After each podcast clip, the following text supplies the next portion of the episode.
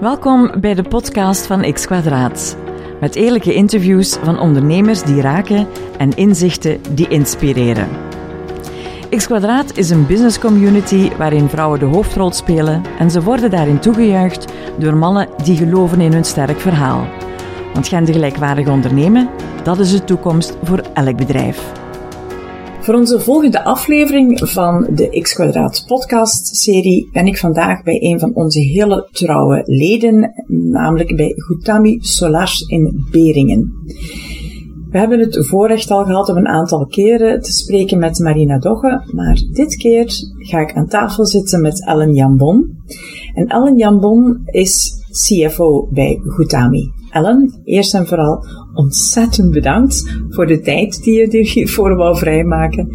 Um, ik kan me voorstellen dat je ja, wel altijd een drukke agenda hebt, dus ik vind het wel leuk dat je hier even tijd voor wou maken om, uh, om even een babbel met mij te doen. Dat is heel graag gedaan. Oké, okay, leuk. Uh, ik stel voor dat we beginnen bij het begin en dat je heel eventjes zegt wie dat Ellen Jambon is, want buiten het feit dat je een zeer bekende familienaam hebt, ben je misschien nog een nobele onbekende voor de luisteraars. Dus ben je getrouwd? Zijn er kindjes? Welke is de weg die je afgelegd hebt totdat je hier bent geraakt? Ja, nee goed. Uh, ik ben Ellen, Ellen Jambon. Ik ben geen familie van de minister, uh, maar we zijn wel in dezelfde regio geboren. Hè. Mijn vader is ook van Genk afkomstig. Uh, ik ben zelf 36 jaar en ik woon ook hier in Beringen. Dus ik werk mhm. vlak bij mijn thuis op dit moment. Dat is een heel grote meerwaarde. Vijf minuten en ik ben hier en vijf minuten ik ben weer thuis. Uh, ik ben getrouwd. Uh, mijn man noemt Jochen en ik ben ook plusmama van twee kinderen. Oh, uh, twee schatten van kinderen. Kato is al 13 jaar, Jaren is 16. Volop in de, puberteit. Ja. Dus daar komen weer, weer andere moeilijkheden bij kijken dan toen ze wat jonger waren. Uh, mijn achtergrond, uh, ik heb gestudeerd in Leuven. Ik heb uh, de studies TEW gedaan in Leuven. En daarna ben ik nog een extra master gaan doen. Want ik was mm -hmm. nog geen beu. Een extra master accountancy en revisoraat. En dat was eigenlijk de ideale springplank om bij Ernst Jong te beginnen. Ja. Nu staan ze bekend onder de naam EY in Hasselt. Uh, binnen de audit. Uh, daar ben ik acht jaar gebleven, uh, doorgegroeid naar audit manager. Dan sta je een beetje op een crossroad. Ga je binnen dat consultancy leven blijven? Of ga je toch de springplank pakken naar de privé? dat heb ik dan ook gedaan heb ik heel kort als uh, groepcontroller gewerkt bij een familiebedrijf in Wellen. Ja. ANL Plastics. Ze maken ik, ja. bakjes ja. voor de voedingsindustrie. Ja. Um, en daarna ben ik aan de slag gegaan als finance manager bij de Klaas Retail Groep. Uh, mm -hmm. Dat is eigenlijk de moedermaatschappij van JBC, uh, uh, en recent ook CKS. Ja. En daar heb ik eigenlijk de finance afdeling aangestuurd. Een heel fijne periode, een heel turbulente periode ook. want ik ben daar eigenlijk uh, vertrokken midden in coronacrisis. Ja. Dus we hadden de eerste lockdown achter de rug.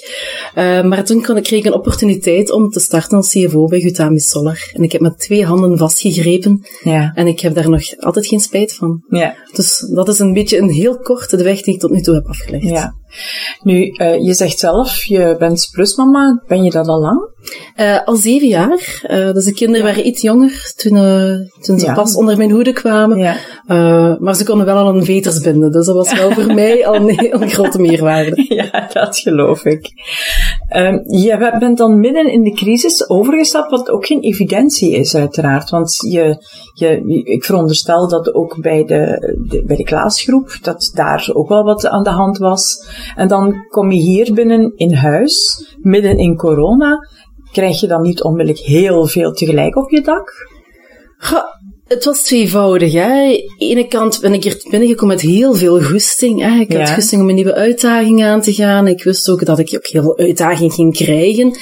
Ehm, dus ik kwam ook uit een heel turbulente periode. Hè. Eh, lockdowns, mensen zijn een beetje vervreemd van elkaar. Ja. Dus aan de andere kant kom je ook hier weer bevreemdend binnen. Hè. Je krijgt niet de, de tijd om mensen heel goed te leren kennen. Je Ja. schakelt er meteen over naar thuiswerk, of toch voor een groot deel. Ik heb bijvoorbeeld recent uh, nog maar collega's gezien zonder mondmasker. En bepaalde mannen dat ik niet wist dat ze een snor hadden op ons eerste personeelsfeestje hè, na Ja. de, de, de zware coronatijden. Um, dus het is best raar. Heel Ja. uitdagend, maar wel raar in coronatijden. Ja, dat Ja. geloof ik heel graag. Dat je dan een switch maakt. Net omdat je zegt Er is heel veel van thuis uitgewerkt. Dus die eerste band met die collega's, die is er niet onmiddellijk. Ook als je binnen een bedrijf stapt, je zit daar met dossiers die moeten overgenomen Hmm. worden. Ook daar zit je, maar je bent misschien in het begin dan toch wel wat vaker naar eh, Ik ben ook iets vaker gekomen. naar kantoor gekomen. Ja, Ja, Dus eh, we hebben wel de mogelijkheid gehad om ook op kantoor te zitten. En afhankelijk van de functie kon je al iets meer of wat minder thuiswerk doen. Hè. Mensen van bijvoorbeeld hier specifiek van de klantenafdeling, ja, die moesten hier bereikbaar zijn, want wij waren nog niet in de mogelijkheid om volledig naar thuiswerk over te schakelen de eerste maanden. Ja, Uh, Getami heeft dan geïnvesteerd in ja, laptops, eh, een telefooncentrale en dergelijke, om die mensen echt wel thuis te gaan plaatsen. ja. Maar dat gaat niet op van één moment op het andere. Nee, dat is waar. Nu, de coronacrisis is nog maar, allee, niet koud, want die is nog niet koud. We zitten er nog, in- nog niet middenin. Er is uitzicht, er is licht aan het einde van de tunnel. En dan word je dus in januari nog eens geconfronteerd met het feit dat die, eh, ja, het grondwettelijk hof de regeling van de terugdraaiende eh, tellers voor de eigenaars van zonnepanelen, dat die dat dus vernietigen. Wat betekende dat eigenlijk eh, hier in januari op dat moment? Ik bedoel, je kan me voorstellen dat er toch een paniekogenblik is geweest. Ja, wij voelden dat eerder aankomen. Hè. Wij volgen de wetgeving op de voet. En ja, de zonnepanelensector is nu al de laatste jaar heel sterk geregulariseerd. Ja. Dat is een feit. Eh, en onze business is dan ook afhankelijk van de beslissingen die ze maken op ja, de hoogste niveaus. Ehm 2020 was een, voor ons een heel mooi jaar. Hè. Er was echt een rush op de zonnepanelen. Heel veel mensen wouden de zonnepanelen ook nog geplaatst hebben en gekeurd voor het einde van het jaar. Ehm, daarna, ja, begin 2021, ja, dan zijn we ons eigen terug gaan heruitvinden. Hè. Wij, zijn, we hebben tijd kunnen maken om nieuwe projecten te gaan lanceren, om echt wel die omzet te gaan genereren voor de toekomst. Want ja, we hebben wel wat negatieve connotatie gehad, de hele zonnepanelensector. Maar die storm is nu wel gaan liggen. Ja, En we verwachten ook wel dat de batterijen gaan opleven. We verwachten dat ook Ja. mensen nog altijd gaan blijven investeren in zonnepanelen, want het is nog altijd de moeite waard. ja, Ja, je gaat er nog altijd je voordeel mee doen. Ehm, plus, ja, we zijn eigen projecten aan het lanceren. Hè. Wij ehm, hebben nu recent Smart Energy People gelanceerd. Eh, Ja. We gaan er in de loop van augustus meer reclame over maken. Eh, dus dat gaat zich zeker ter oren van de luisteraars komen. Eh, daarnaast hebben we ook twee magazijnen geopend, omdat we ook wel klaar willen zijn voor de toekomst. ja. De toekomst dan ook voor het, eh, het te laten installeren van batterijen. Ja, inderdaad. We zijn Ja. al volop aan het installeren Ja. van batterijen, zonnepaneel, maar ook laadpalen. Ah, oké, natuurlijk. Dus we Ja. proberen zo innovatief mogelijk te zijn en mee te gaan op die ja, innovatieve evolutie die, eh, Ja. die wij aan het doormaken zijn. En zijn dat dan laadpalen voor bij mensen te zetten? Ja, Ik bedoel, inderdaad. niet eh, in combinatie met benzinestations of zo, maar werkelijk om thuis te plaatsen. Ja, inderdaad. Eh, wij zijn dan ook eh, voornamelijk een speler in de particuliere sector. Hè. We Ja, leggen zonnepanelen op daken bij particulieren. Ja, en hetzelfde gaan we doen met de batterijen en met de laadpalen. Ah, Hè, en we proberen daarmee ja, de mensen zoveel mogelijk te ontzorgen. eh, zorgen dat we ook onderhoud kunnen bieden, dat we een goede naservice hebben. Hè, zodat de mensen echt wel zich kunnen gaan eh, focussen op andere zaken. Hè, en Ja, niet op ja, een ja. energiefactuur. ja, juist.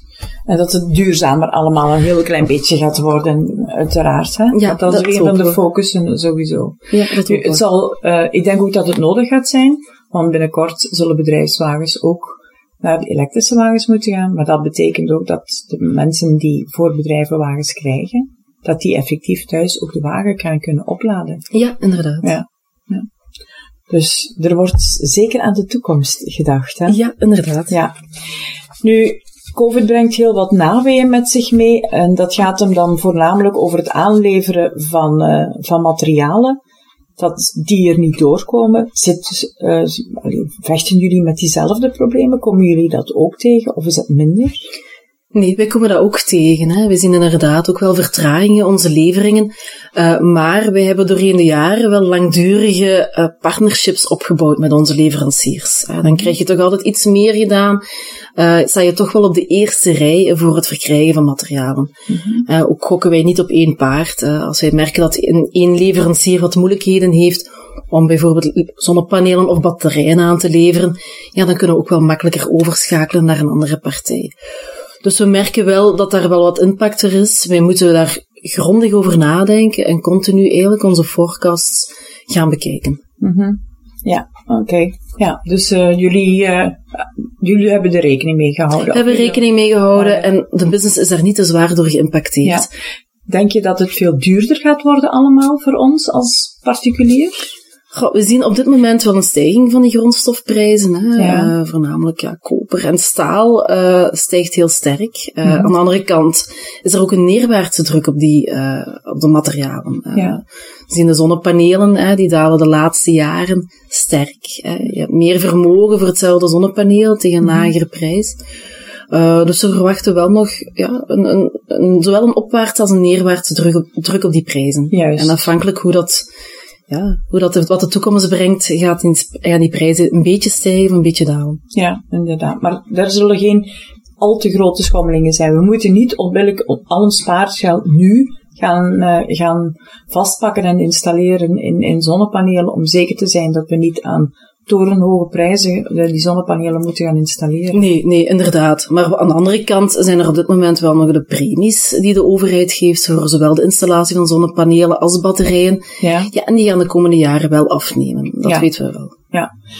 Dan is misschien toch wel iets om over na te denken, hè? Ja. Nu, um, Binnen een onderneming draait ook alles rond het menselijk kapitaal, maar daar heb je uiteraard ook werkelijk kapitaal voor nodig, want anders kun je het gewoon nog niet bijhouden. Voor welke uitdagingen staan jullie voor, die volgende, voor de volgende vijf jaar, denk je? Uh, ja, ik denk, hè, je spreekt over menselijk kapitaal. Ik denk dat dat het allerbelangrijkste is. Hè. Wij zitten net in die innovatieve sector.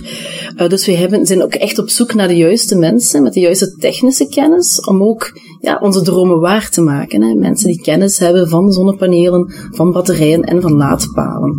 Uh, dus dat zijn meestal technisch zeer geschoolde mensen. Ja, en die zijn niet bij overvloed ter beschikking. Hè. Dus we merken dat daar wel een uitdaging in ligt. Uh, daarnaast, ja, we zijn ook nog altijd een, een familiebedrijf. Uh, wij willen waarde creëren op lange termijn en ook de mensen aan het werk zetten en houden.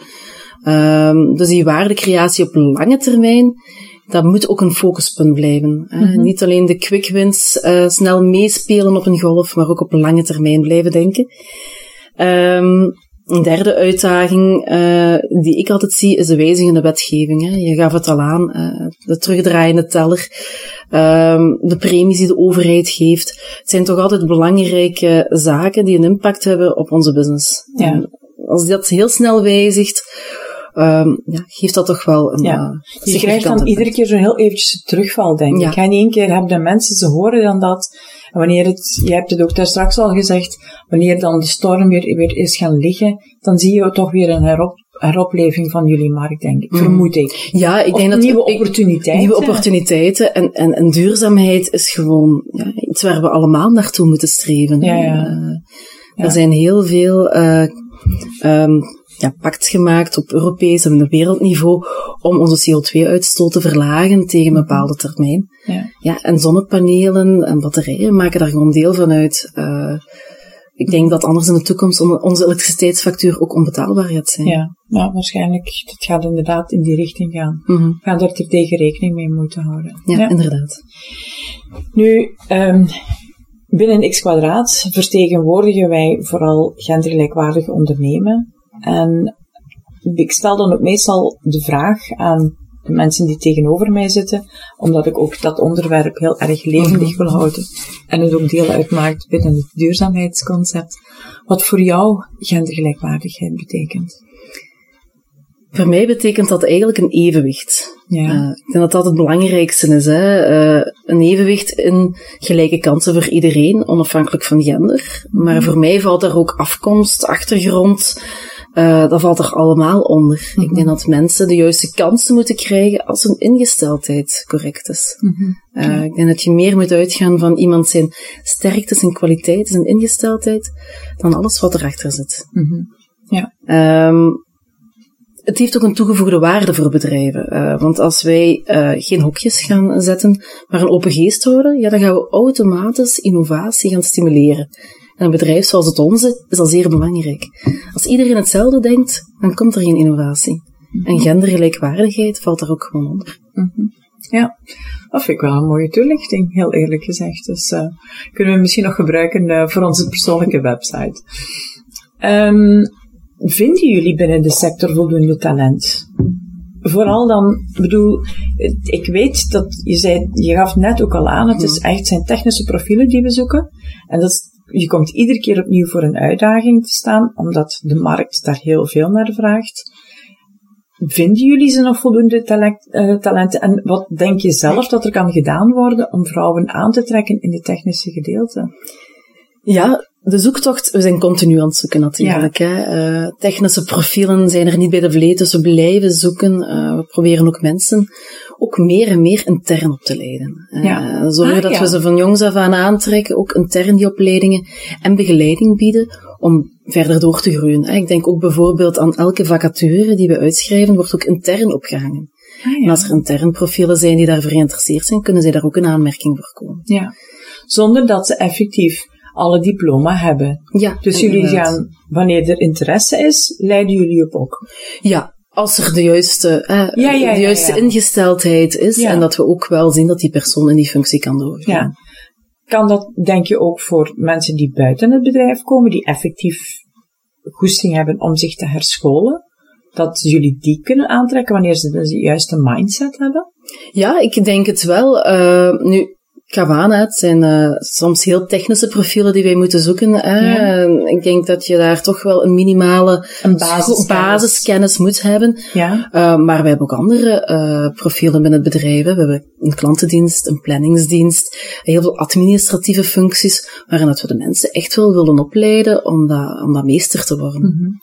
Er lopen hier dus bij Goutami regelmatig, of bijna quasi regelmatig, ja, hoe zou ik te zeggen, uh, vacatures. Er zijn, ja. er zijn heel regelmatig openstaande... Ja, continu, ja. continu hebben we wel enkele openstaande vacatures. Ja. Dus het is ook goed van jezelf gewoon eens te profileren naar hier, om te zeggen van kijk, ik, uh, dit vind ik wel een bedrijf dat ik leuk vind om te werken, dat je spontaan solliciteert. Oh ja, daar krijgen we ook regelmatig binnen. Ja. Ja, dat klopt. Oké. Okay. Um, nu, je vroeg ook, hè, wat kan er gedaan worden om vrouwen aan te trekken? Hè? Ik, ja. ik ben ook een, een grote voorstander voor, voor vrouwen aan de top. Hè? Ja.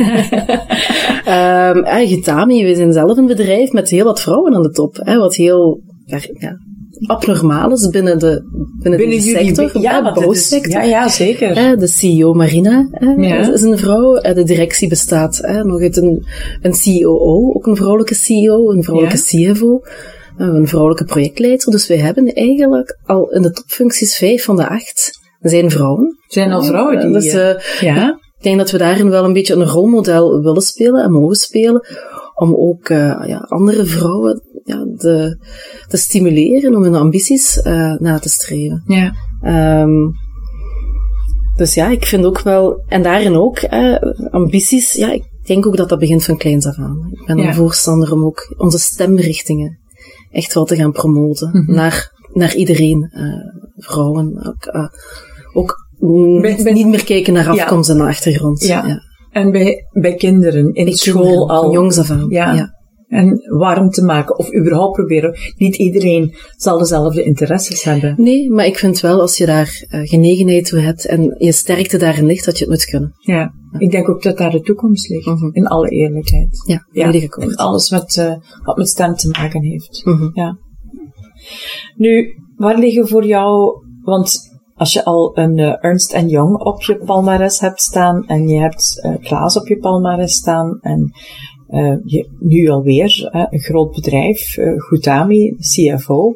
Waar liggen voor jou nog de uitdagingen in jouw carrière? Voor mij persoonlijk uh, ben ik ook altijd op zoek naar uitdagingen. Ik uh, ben ook bij Gutami ingestapt, weten dat het een groeibedrijf is en dat ik mee kan groeien met Gutami. Oké. Okay. Uh, dus dat is voor mij persoonlijk mm. mijn uitdaging. Als ik kijk specifiek naar mijn functie als CFO zijnde, hè, het financieel gedeelte, um, ik denk dat daarin de toekomst ligt in, het, in de data-driven business. Mm -hmm. Dat alles data gestuurd is en dat je data heel snel kan verwerken verwerken en uh, daarmee sneller beslissingen kan pakken. Mm -hmm.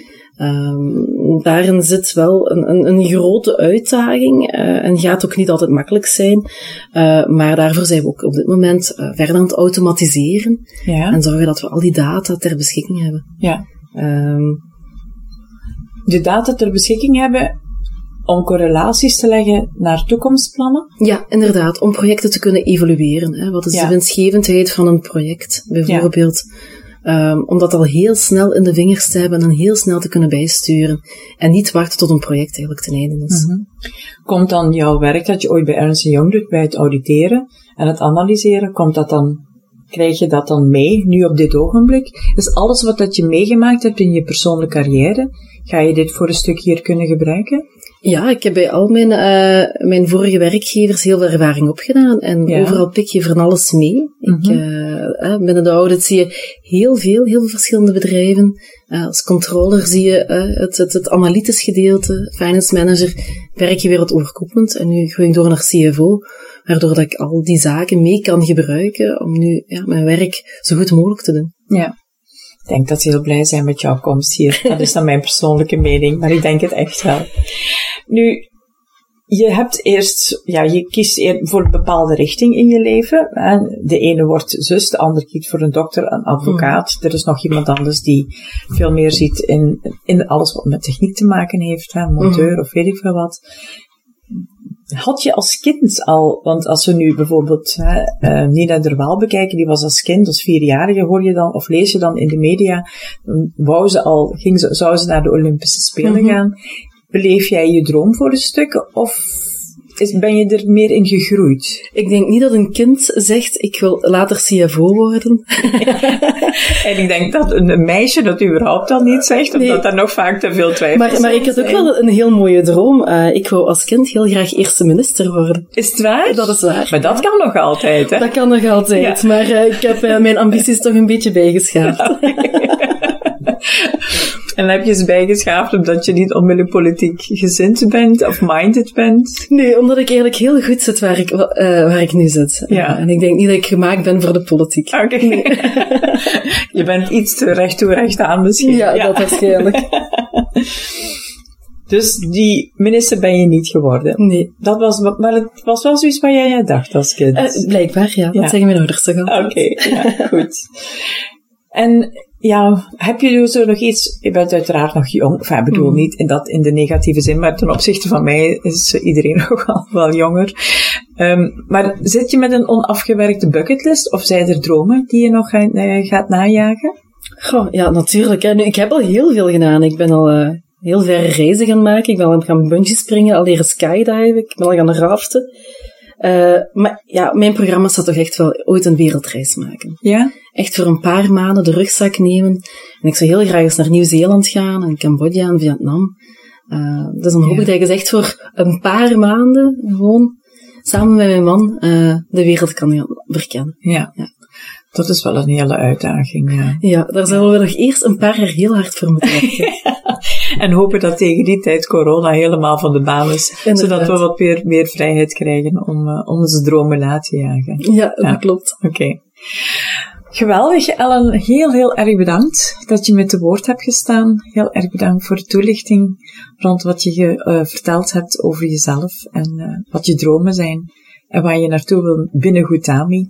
Ik denk dat ze hier een kanjer in huis binnengehaald hebben. Dat is mijn persoonlijke mening. Dankjewel, Vivienne. Ook heel erg bedankt om mij uh, te woord te staan. Oké, okay, goed.